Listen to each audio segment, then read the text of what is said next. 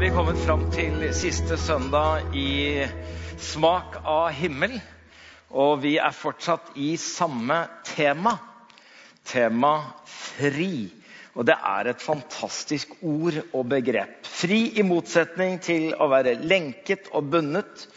Å være undertrykket og underkuet. Eh, Norsk leksikon store kan jo gi oss så mye. Og bl.a. fortelle oss at frelse stammer fra det gammelnorske ordet litt rart frijals.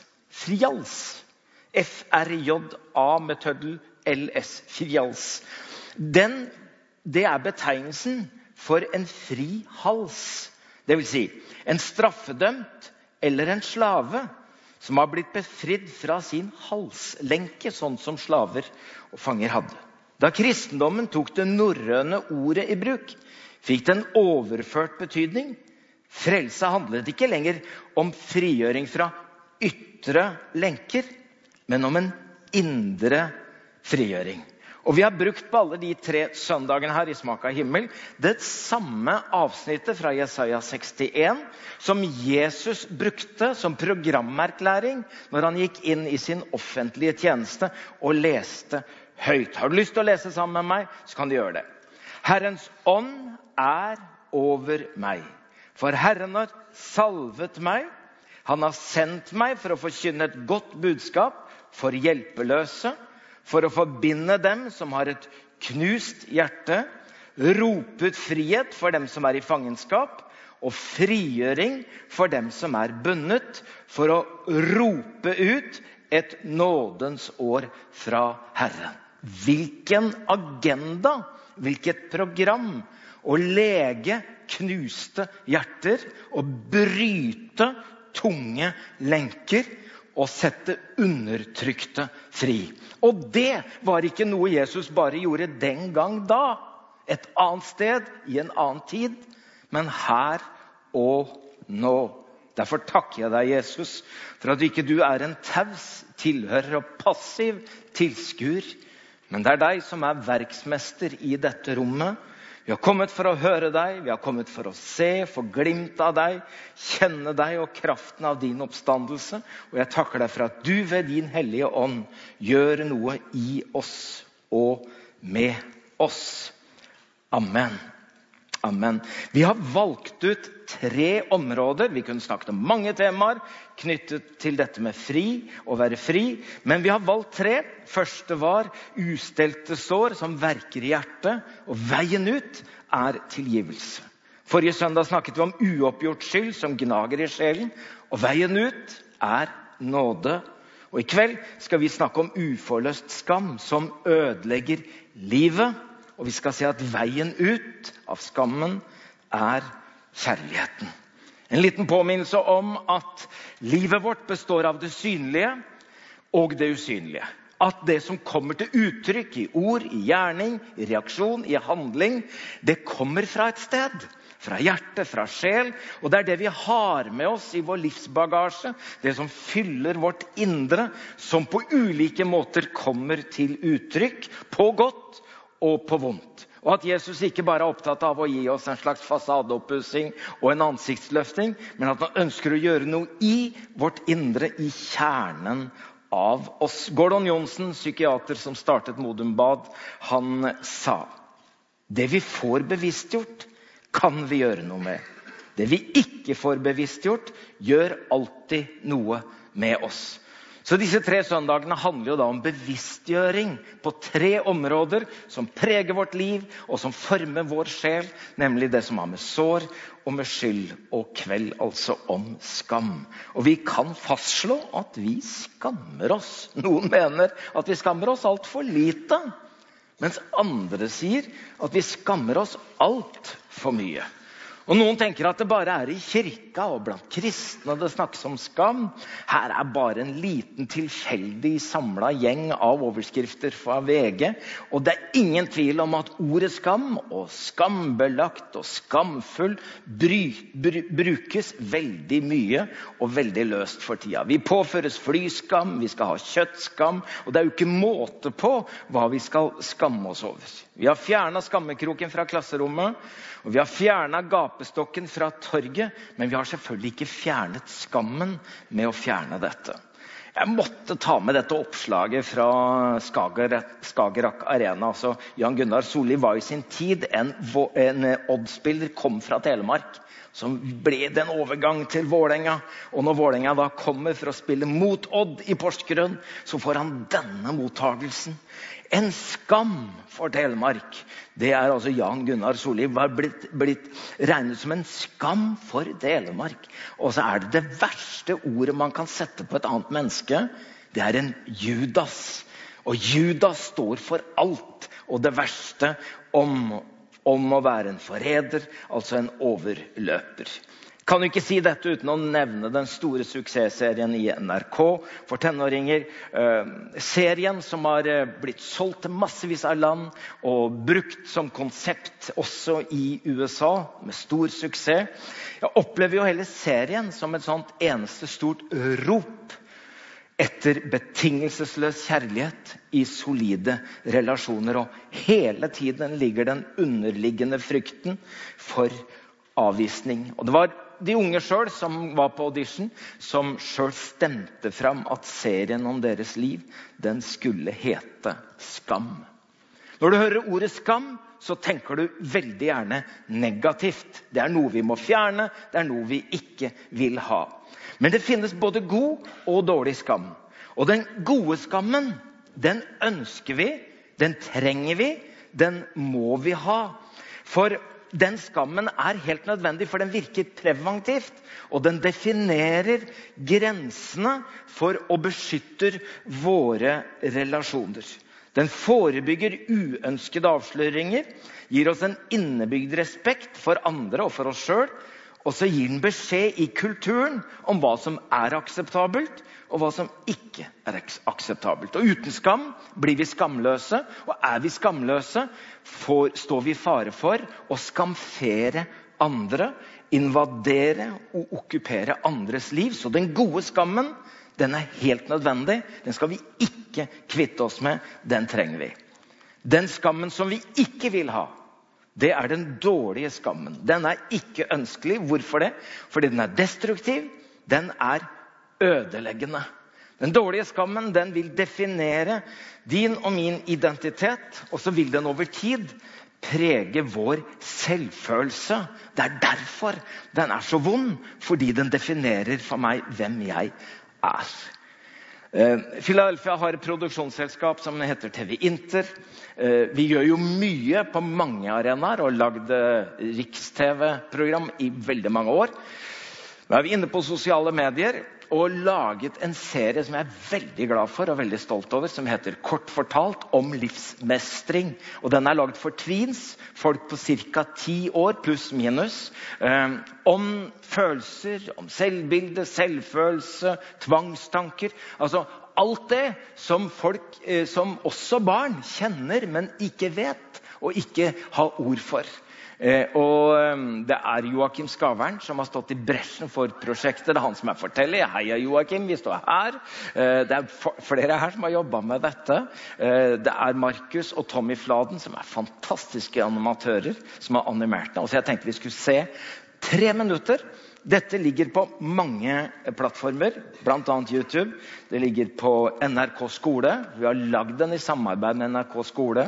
Eh, vi har lagd den med, sammen med Mental Helse, Høgskolen Innlandet og Blå Kors. Og selv om ikke du er ti år, så kanskje du kjenner en tiåring. Og kanskje du til og med kjenner en tiåring inni deg sjøl som tenker heldigvis kan jeg høre og se noe tiåringer lærer noe av, for da kan jeg lære litt òg. Hør på dette. Skam er for de fleste et negativt ord, men det er en viktig følelse. Den dukker opp i sosiale sammenhenger og passer på at du ikke oppfører deg dårlig mot andre. Den sørger for at du følger grupperegler og holder deg til det som er akseptabel oppførsel i flokken din. Hvis du gjør noe som ikke blir godtatt, vil andre reagere med avvisning og vise forakt for det du sier eller gjør. I mild form gjør skam deg sjenert og gir deg en følelse av å være mindreverdig. I sterk form kan det kjennes som en følelse av å være ødelagt. Når du skammer deg, senker du gjerne blikket, bøyer hodet og kanskje rødmer litt. Skam kan være en ubehagelig og vanskelig følelse. Den kan kjennes som en stor klump i magen og få deg til å ønske at du kunne forsvinne. Det kan være vanskelig å skille skamfølelse og tristhet. De vises ofte ganske likt, og utenpå gir begge en sammensunket holdning, et trist uttrykk og et unnvikende blikk. Hvis du blir tatt for å stjele, er det helt greit at du skammer deg. Det vil få deg til å tenke 'dette skal jeg aldri gjøre mer'. Det er nettopp det som er hensikten med skam. Den retter opp feil du gjør mot andre, og hindrer deg i å gjøre dårlige valg. Men det er ikke alltid at skamfølelsen er nyttig. Noen kan oppleve skam uten at de selv har gjort noe galt. Andre kan ha utført en dårlig handling, og du tar på deg ansvaret. Det er dette som kan skje når noen utsettes for mobbing. Det er ofte den som blir mobbet, som føler skam, selv om de andre er ansvarlige for handlingen. Det samme skjer når noen opplever vold, seksuelle overgrep eller andre krenkelser. Vi sier da at andre har påført deg skam. En slik nedbrytende skam er ikke bra for deg. Den skader selvfølelsen din og kan gjøre det vanskelig å forholde deg til andre. Hvis du har det slik, er det viktig at du snakker med noen du stoler på. Ungdom kan noen ganger føle skam hvis de kjenner seg ensomme eller står utenfor det sosiale fellesskapet. Andre igjen kan føle skam hvis de viser svakhet, spør om hjelp eller viser at de gråter. Den type skam er ikke nyttig for deg. Det samme gjelder om du føler skam overfor familien din eller andre ting du ikke kan påvirke. Det finnes altså en nyttig og en unyttig form for skam. Den nyttige hjelper deg å ta gode valg, og at du lever på en måte som er akseptert i flokken din. Den unyttige formen for skam er en type som bryter deg ned. Det er viktig å skille mellom disse. Det er bare den nyttige skammen du bør lytte til.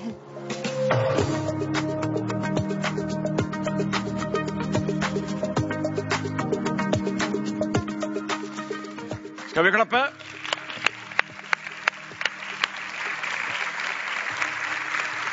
Veldig bra serie, og det er veldig nyttig å dele.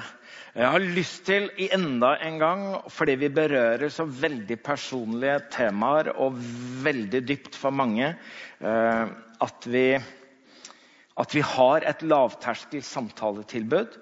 Eh, og at du veldig gjerne må bruke samtalesenteret vårt. Ta kontakt. Del med noe av det du bærer på, sånn at du slipper å bære det alene. Det har jeg veldig lyst til å legge inn over deg. Skam skaper selvforakt. Sist søndag så snakket vi om skyld. Og jeg har i lengre tid vært opptatt av sammenhengen mellom skyld og skam. Jeg vokste opp med en slags regle hvor de sa ja, etter synda kommer skylda, og etter skylda kommer skammen. Så Det var nesten som en sånn lenke. Når du har gjort det, så får du det. Og når du har gjort det og blitt sånn, da får du sånn. Altså, Nesten som om det er noe man ikke kan bryte. Og jeg kjenner igjen koblingen mellom skyld og skam. Men det er forskjell, selv om de hører i hop. Vi henter en bønn fra Esras bok, det niende kapittel og vers 6. Min Gud, jeg skammer meg og skjemmes over å løfte ansiktet mot deg, min Gud. For våre synder er så mange at de har vokst oss over hodet, og vår skyld er så stor at den når til himmelen. Skyld og skam, vi skjemmes. Og dette kommer jo helt fra tidenes morgen, etter syndefallet, hvor Kain blir sjalu på Abel, broren sin. Og har bestemt seg for at han skal drepe broren sin av misunnelse. Og går med denne type tanker. Og når Gud møter Kain, så sier han, 'Hvorfor er du harm?'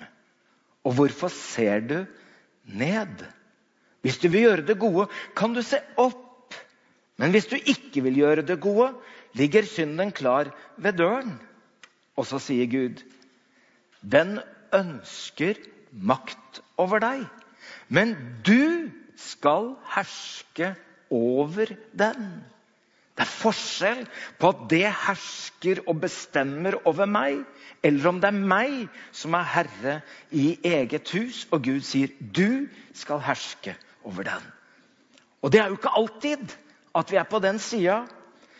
Jeg har snakket mye om, og Forrige søndag så hadde vi også meget tema om skyld og skyldfølelse. Og det refererer seg jo til hva vi gjør. Holdninger, handlinger, reaksjoner, ord. Det vi ikke gjør, det betyr rett og slett det som kommer til uttrykk. Og det som følger med skyld for hva jeg gjør, det er jo fordømmelse. Fordømmelse av andre, men også selvfordømmelsen. Og veien ut av det er da å få, ta imot og gi nåde. Det frigjør den som er skyldig. Men hvis vi ser på skam, så ligger den dypere enn skyldfølelsen. Skyld er på en måte enklere å ta tak i. For den handler om gjerninger. Hva jeg har sagt, hva jeg har gjort. Noe konkret. Mens skammen handler om hvem jeg er. Rett og slett en opplevelse av at jeg er feil. Det er jo derfor uh, kjønnsidentitet og seksualitet at rundt de spørsmålene som ligger så tett på identitet, at det er så mye skam knytta til det. Og det som følger av skam, det er jo forakt. Du vet, Hvis jeg er åpen for overfor andre mennesker og sier jeg sliter med, med angst eller, eller, eller jeg bærer sorg, så kan jeg forvente av folk at de da viser meg sympati. At de nærmest uttrykker empati og kan si 'Å, så vondt. Det var leit å høre, Egil.' Ah, det må vi prøve å hjelpe deg med. Men hvis jeg hadde sagt til dere hva jeg skammer meg over Tenk deg den tanken at her i Philadelphia denne søndagskvelden skulle komme opp på storskjermen alt Svartdal har tenkt. Alt Svartdal har gjort. Alt dere ikke vet. Og jeg lurer på, Hvor lenge hadde jeg blitt stående? Hvor lenge hadde dere orket å se på? Og det knytter det seg altså skam til. Og det handler om hvem jeg er, og det jeg da frykter, det er forakt. Og med forakten kommer avvisningen. Og det er jo avvisningen jeg frykter. Og Hvis du da drar det videre og tenker at dette blir iboende, da fører det til selvforakt. Og da avviser jeg også meg selv. Og Den eneste måten å komme ut av dette på, er å møte den ubetingede kjærligheten. Den som elsker meg for den jeg er. Psykiater Finn Skårderud har forsket mye, skrevet mye om skam de siste årene. Han sier den dype skamfølelsen er smerten ved å se seg selv som en som ikke fortjener å bli elsket.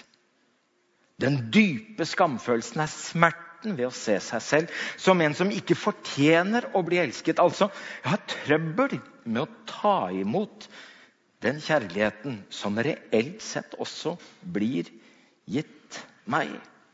Det er jo ikke alltid så lett å vite om det jeg bærer på, er det vanlig tristhet eller er det skam.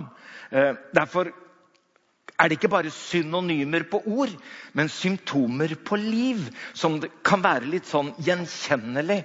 Jeg har lagd denne ordsida i dette hjertet hvor det står forakt, avvisning, Vanære, ydmykelse, vanry, selvbebreidelse, unåde, sorg, forsmedelse, tristhet.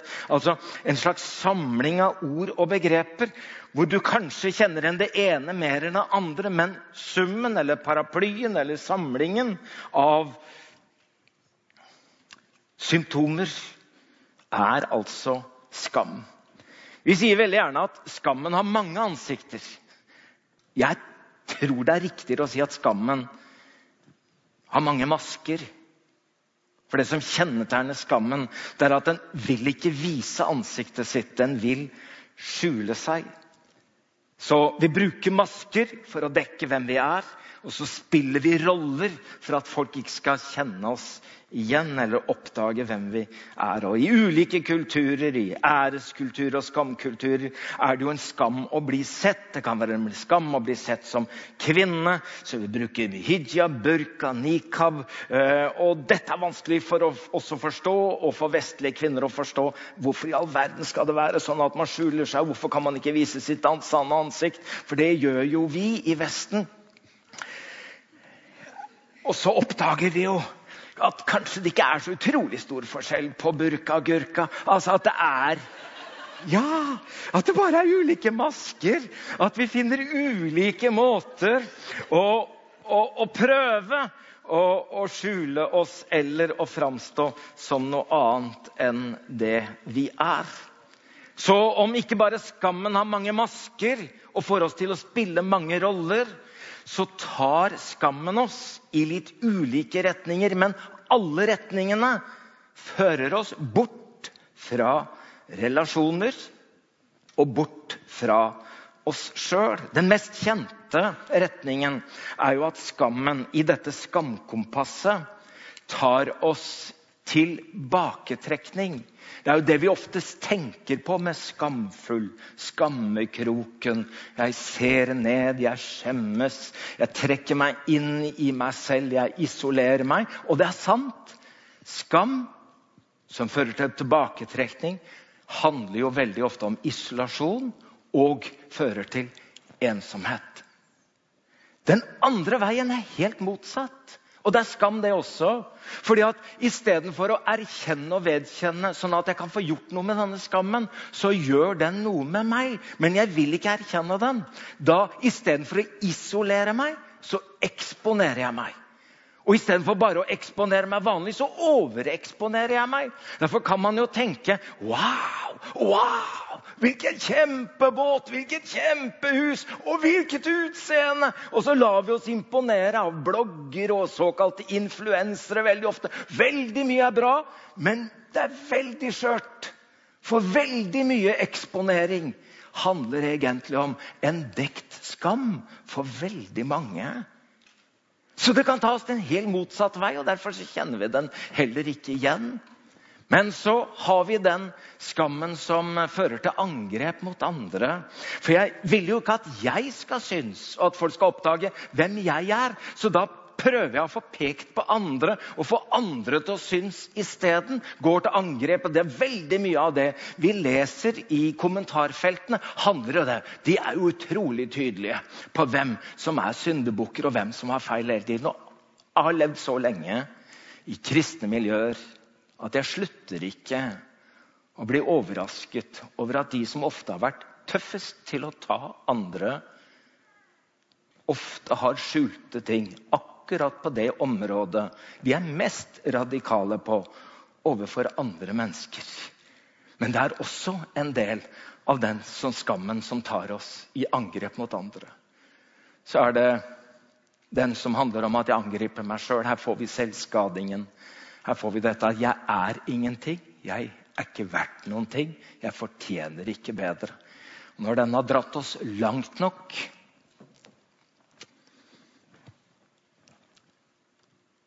så sier vi verden blir et bedre sted. Mine har det bedre. Hvis jeg blir borte.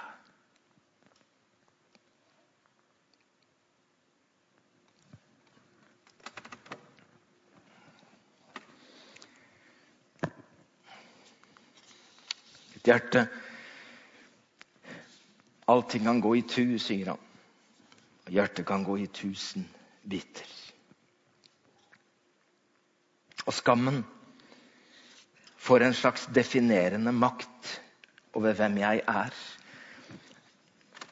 Det ene blir alt.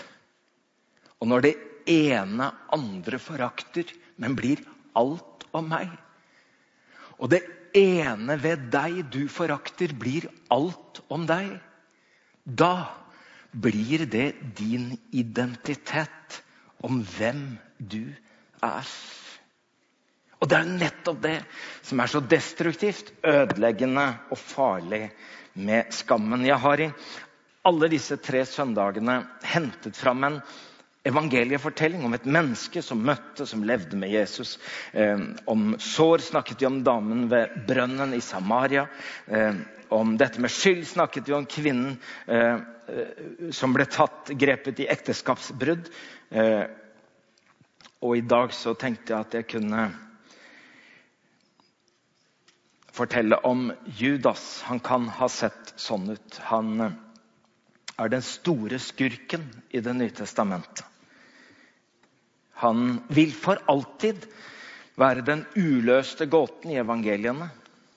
Og hans navn er jo blitt betegnelsen, begrepet, på noe av det mest skammelige et menneske kan gjøre, nemlig det å forråde sin aller beste venn. Det er jo han som har gitt navnet til Judas-kysset. Altså kysset, som ellers er et vakkert uttrykk for kjærlighet og intimitet, har han dratt ned i søla og gjort det til et skittent symbol for svik av aller verste sort. Det er han som har gitt navn til blodpenger. Eh, blodpenger som han fikk fordi han solgte Jesus. Og for de pengene ble det kjøpt en blodåker. Eh, og den blodåkeren fikk sitt navn fra helvete. Jeg lurer på Judas om han trodde at Jesus uansett kom til å komme seg unna at han kom til å bruke sin overnaturlige makt til å komme seg ut av situasjonen, sånn som han hadde gjort flere ganger. Som f.eks. den gangen han stillet stormen og kommanderte bølgen, bølgene og vinden eh, på Genesaretsjøen midt i stormen om å legge seg stille. Og så ble det blikk stille. Men da Judas så at Jesus ble torturert, korsfestet og begravet, så angret han. Og da ville han levere tilbake de 30 sølvpengene som han hadde fått. Men ikke engang de korrupte religiøse lederne ville ha de skitne pengene hans. Så selv fiendene hans foraktet han og avviste han. Jeg lurer på om Judas var øyevitne til at de skamferte Jesus og drepte ham på bestialsk vis som en foraktet forbryter. Og Jeg lurer på om det var da han bestemte seg for at han ville ta livet sitt. Jeg er ikke sikker på om det var en impulshandling i angerens svarteste mørke som ble kastet over han, eller om det var noe han hadde tenkt på flere ganger, og at dette var en utløsende faktor. Jeg vet ikke om det var synet av Jesus som hang på korset, som gjorde at han sjøl fant seg et forbanna tre for å straffe seg sjøl for sine egne synder. Hvorfor løp du ikke tilbake til vennene dine, Judas? Hvorfor tok du ikke kontakt og ropte høyt om hjelp? Jeg har så mange spørsmål. Vi har jo det når noen tar livet sitt.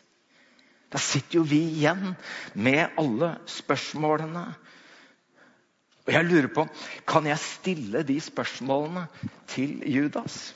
Tror du at du kan hjelpe meg? Der har jeg fått uh, bildene. Jeg tenkte at jeg skulle spørre. Jeg håper at, at, jeg ikke gjør det som journalist. Jeg vil heller ikke gjøre det som advokat, uh, men, jeg, men jeg har lyst til å gjøre det som sjelesørger. Hadde jeg møtt Judas, så hadde jeg spurt om mye av dette. Husker du Første gangen du møtte Jesus fra Nasaret. Hvordan det glødet da han snakket om Guds rike, og at den gløden tente gnist i den drømmen du bar på om et fritt folk i et fritt land. At Jesus fra Nasaret kanskje var nettopp den frigjøringslederen som du hadde gått og håpet, ventet og trodd på, nemlig Messias og at du allerede var klar til å reise deg og gå når Jesus så på deg og sa, 'Følg meg'. Og så må du ha følt deg som en av de utvalgte. Følte du at du var en i gjengen når de tok imot deg med åpne armer og inkluderte deg?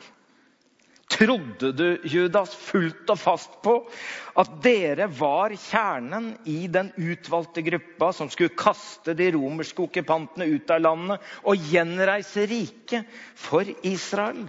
At du nå var i følge og var med i frigjøringshæren til selveste Messias? Det må jo ha vært som et eventyr for deg å stå i første rad og se og høre hva Jesus gjorde, og hva Jesus sa.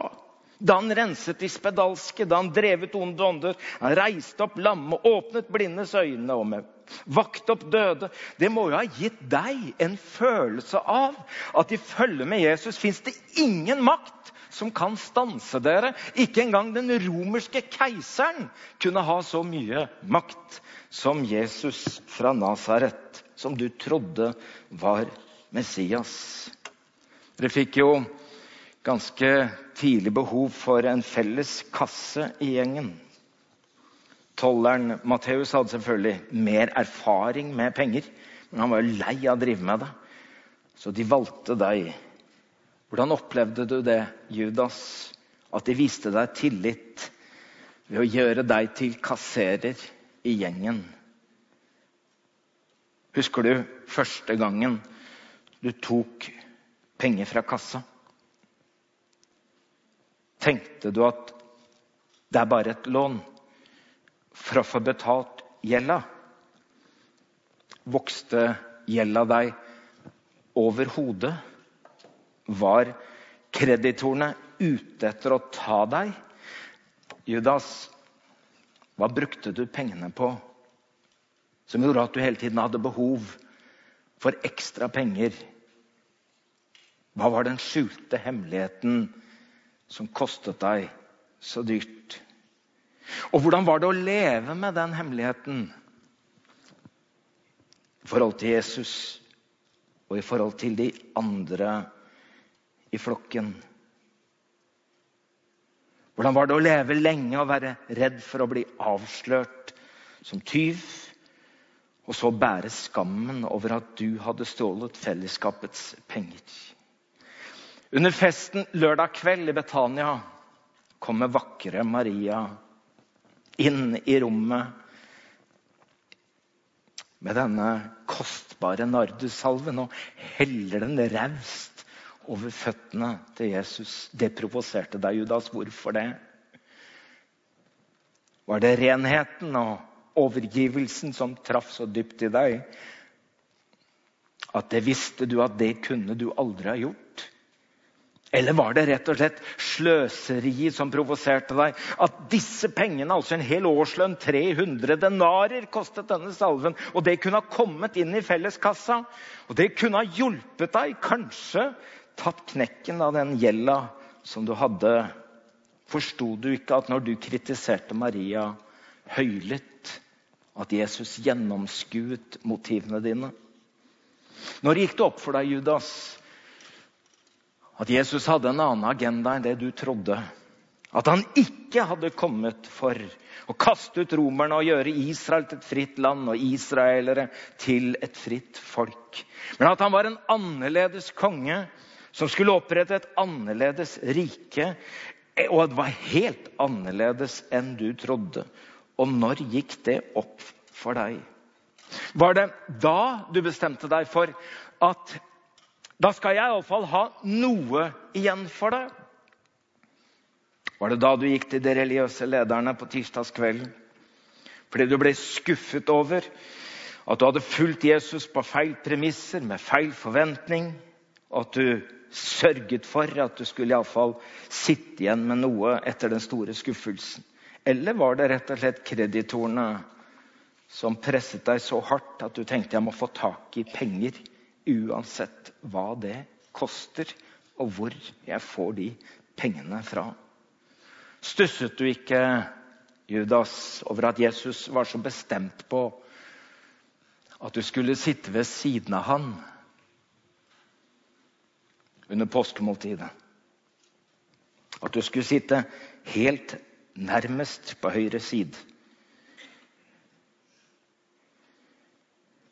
Forsto du at han visste alt? At du hadde stjålet penger fra felleskassa i lang tid. At han egentlig visste at du hadde vært hvor du hadde vært, og hvilken avtale du hadde gjort med de religiøse lederne. Og at du dypest sett ikke lenger heller trodde at han var Messias. Så hvordan opplevde du det når han plutselig reiste seg fra bordet, tok av seg kjortelen og gikk bort og tok på seg tjenerdrakta? Bøyde seg ned og vasket føttene dine.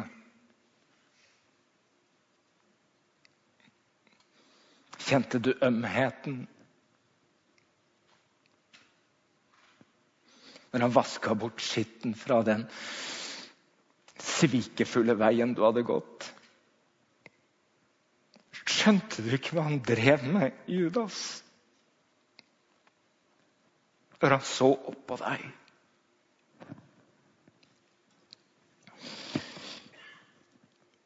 Den siste kjærlighetserklæringen idet han dypper brødet og gir det til deg. Når han sier det høyt at en her skal forråde meg, og det er han som får dette brødet. At det ikke er for å avsløre deg, men det er for å hjelpe deg. Skjønte du det ikke, Judas? At i dette lå all den kjærligheten som kan gis til et annet menneske. Hvorfor slapp du det ikke inn? Hvorfor gikk ikke dette inn i ditt hjerte? Hvorfor kom ikke lyset, kjærligheten, til? Du orket plutselig ikke mer. Du reiser deg og går, forlater rommet, forlater fellesskapet. Og det er så svart.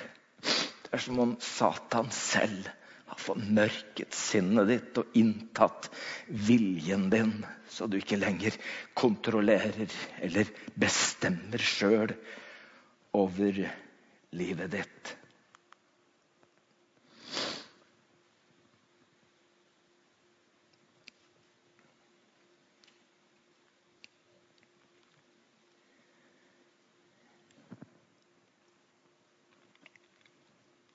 Jeg har eh, vært sammen med Judas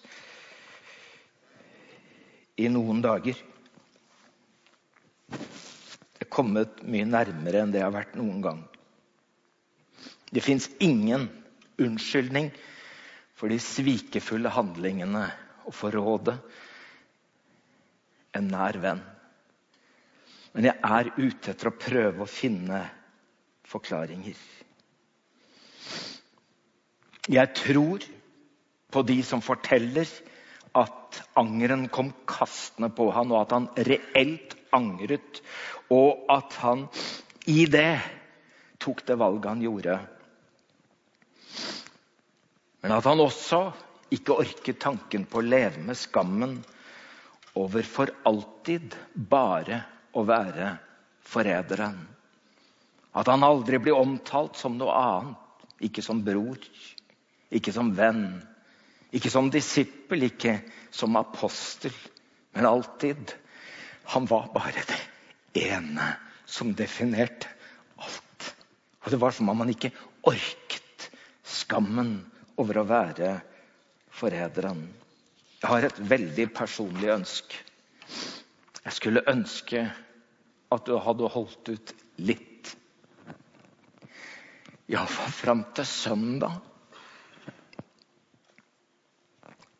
Fordi jeg er helt sikker på at den dagen Jesus sto opp fra de døde, hvor han begynner morgenen tidlig før sola har stått opp, og snakker med Maria som gråter ved graven Senere oppsøker han Peter. Senere så følger han med de to helt ut til Emmaus, før han møter alle disiplene søndag kveld. Men jeg er helt sikker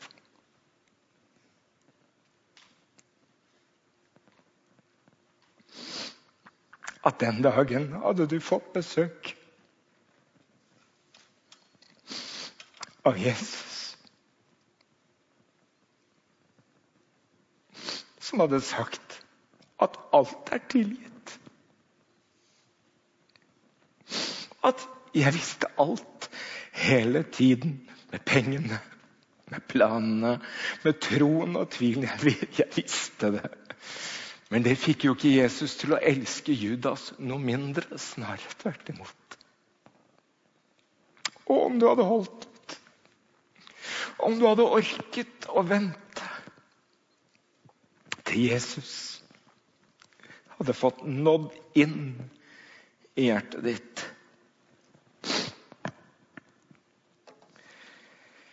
Hver gang vi deler nattverd, og det skulle jeg ønske at Judas visste, så blir vi minnet om han.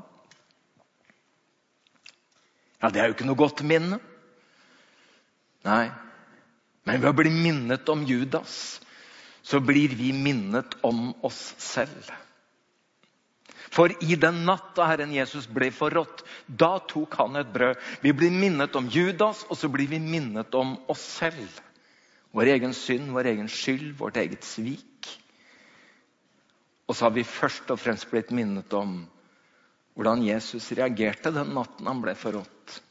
Hm, da kunne han ha reist seg til hevn, til sinne, til alt det som han kunne gjøre. Da tok han et brød. Han takket, brøt og sa. Så jeg har lyst til å si, Judas, jeg skulle ønske at du visste at gjennom 2000 år så har vi skamfulle svikere av alle slag fått lov å gå til bordet med tomme hender og åpne hjerter. I håp om at Guds nåde og kjærlighet skulle treffe hjertet vårt. Han som kom for å lege knuste hjerter, bryte tunge lenker og frigjøre undertrykte. For kjærligheten er frigjørende. Den ubetingede kjærligheten den setter jo fri. Da tenker jeg det er jo egentlig ikke nok at den bare gis. For kjærlighet kan avvises. Så kjærlighet må tas imot. For den som elsker, kan jo ikke gjøre noe mer enn å elske. Men det vi kan, det er å slippe denne kjærligheten til. Vi vet at det finnes eh, begrunnet kjærlighet. 'Jeg elsker deg fordi'. Jeg vet at det fins betinget kjærlighet. 'Jeg elsker deg'. Eller eh, begrunnet kjærlighet er 'jeg elsker deg fordi'. Betinget kjærlighet er 'jeg elsker deg hvis'. Men ubetinget kjærlighet er dette 'jeg elsker deg'. Punktum. Altså, jeg elsker deg ikke fordi jeg ikke vet. Men jeg vet, og jeg elsker deg. Det er jo derfor vi kan synge 'Elsket for den jeg er'. Kjærlighetens apostel Johannes han skriver om dette og sier I kjærligheten finnes det ikke frykt. Den fullkomne kjærligheten driver frykten ut. For frykten bærer straffen i seg, og den som frykter, er ikke blitt fullendt i kjærligheten. Vi elsker fordi Han har elsket oss først. Jeg har snakket med mange i serien 'Reisen hjem'. Den som har snakket tydeligst om skam, det er Pål André Grinderud fra Mjøndalen. Faren hans var en populær mann i bygda. Eh, I fotballen, i, jeg tror han var ordfører også. Når Pål André er ti år gammel, så dør eh, faren hans sånn eh, uten forvarsel. Da kommer morens alkoholmisbruk opp for en dag. Og Pål André prøver på ulike måter å skjule det for omgivelsene og dekke over sin mors alkoholisme. Det blir en ganske skamfull reise. Og det setter seg i Pål André. Det er 25 år siden han sto fram og skriver boken alene nå igjen. Han reiser et senter for å gi ansikt til barn av eh, alkoholiserte foreldre. Kaller det Wanda-senteret for å oppkalle dette moren sin. Og så har han skrevet flere bøker, fått mange priser. Men han har jammen i meg betalt en høy pris. Han ville fortelle om hva denne skammen hadde gjort med ham, men også hva han hadde fått gjøre med skammen, og hvilken hjelp han hadde fått på Modum. Ikke bare i samtalen, men også i kapellet i Olavskirka på Modum.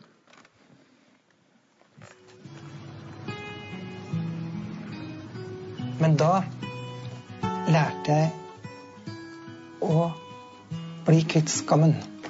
Eh, jeg husker det var en lege som sa til meg, som heter Bjørn Enstad. Han sa Pål, du er ikke psykisk syk. Du er skam. De kunne ikke finne noen diagnose til meg. Så ble det posttraumatisk stresslidelse, og jeg gråt i to døgn, for jeg trodde jeg var kjempesjuk. Det var det mildeste du kunne få, visstnok, men det måtte de gi til Nav for at jeg skulle få penger. Men i alle fall så begynte jeg da å avskamme meg. Frakk for frakk tok de av, og i de jeg var der fram til jeg var 29 år, hadde jeg ni opphold. Tre måneder og fire måneder, og ett opphold på tre uker. Og så de tok meg inn, og vet du hva de sa? Vi hadde troa på deg. Og du skjønner, etter hvert så ble jeg jo så mye mer glad. Det som var vondt. Tjukke, vonde her. Mm, mm, mm. Hvis det hadde vært livet mitt i dag, så hadde jeg enten drukket eller vært død. Men ved at jeg rydda opp i dette livet, så tilførte jeg hjertet til mørket. Jeg, jeg tilga ikke alle, men jeg tilførte hjertet til mitt eget mørke. Og du vet, nå er det sånn at nå er dette fylt. I dag. Ops! Så var mørket spist opp av hjerter. Si at du, du drakk deg full, og så kledde du av deg og gikk nedover gata. Og du var ikke Egil Svartdal, men du var bare Egil. Og så ville folk tenke 'Å, guri malla, hva er det han har gjort?' Og så kunne du være flau over det dagen etterpå. Da, har du gjort, da er det litt sånn skam, og så går det over. Men når skammen blir iboende, at du opplever sånn som meg med en mor som ble forakta i seks år, da blir den iboende. Og den iboende skammen er så farlig. Den forlater ikke et menneske før hun gjør noe med det selv.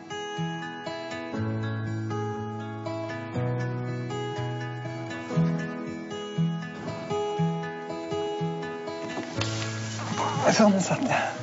Helt inntil sånn. Og så satt jeg stille og fredelig. Og jeg følte alltid at det som var her ute, var godt. Og mellom meg og det som var ute, så var det en, altså, fikk en sånn bilde at det var en skillevegg mellom det som var ute, som var så godt, og hos meg som var så vondt. Altså, men det var ikke lange veien ut. Altså, jeg følte hele tida håpet, da. Det var hardt. Det har vært råhardt. Noen perioder her har vært så harde at det har vært Ja, det er Men jeg har nå i hvert fall Jeg har jo hatt et liv. Jeg har i hvert fall ikke hatt noe av fire liv. Jeg må synge én ting her mens jeg går ut. Og det er Jeg må bare synge den sangen, for hvis ikke jeg får synge den Og den skal jeg synge ryggende. Han er min sang og min glede. Han er min Herre og Gud. Jeg klarer jo det der. Er det helt forferdelig? Nei, det er vakkert. Det er min stemme, da. Det er veldig vakkert. Okay.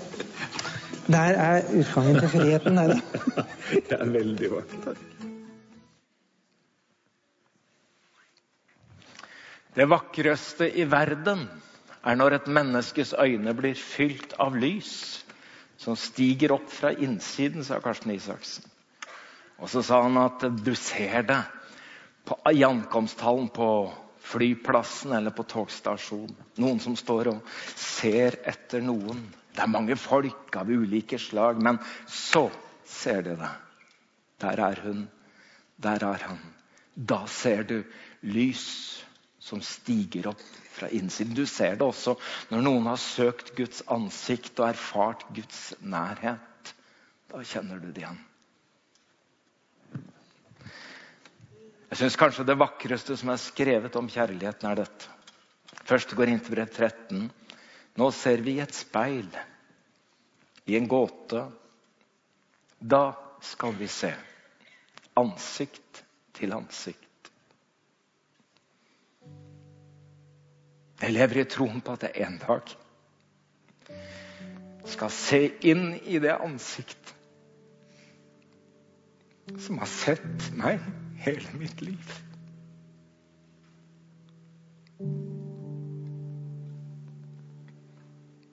Hver gang jeg har hørt Herren løfte sitt ansikt mot deg og gi deg fred.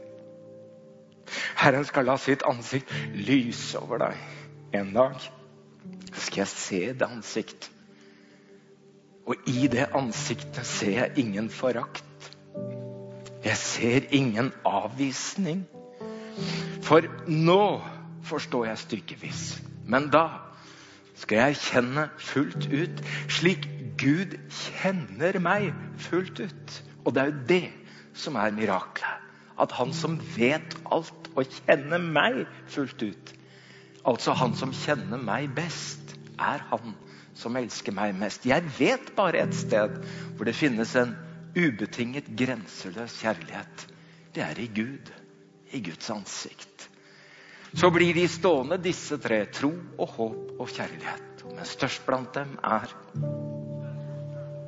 Så blir de stående, disse tre. Tro, håp og kjærlighet. Men størst blant dem Du behøver ikke føle noe. Du behøver heller ikke oppleve noe. Men er det ikke Christian du heter? Christian spiller litt. Tenk deg nå at du bare sitter i solveggen. Det er påske. Du behøver ikke å løfte hender, bør ikke si noe, du bør ikke gjøre noe sånt.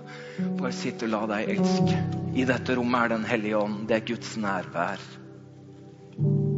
Tenk at han rekker seg deg brød. Han, han gjør kjærlighetserklæringer, vasker føttene dine. Og så kan du bare sitte her og prøve å ikke gjøre motstand, men å la Guds kjærlighet nå deg.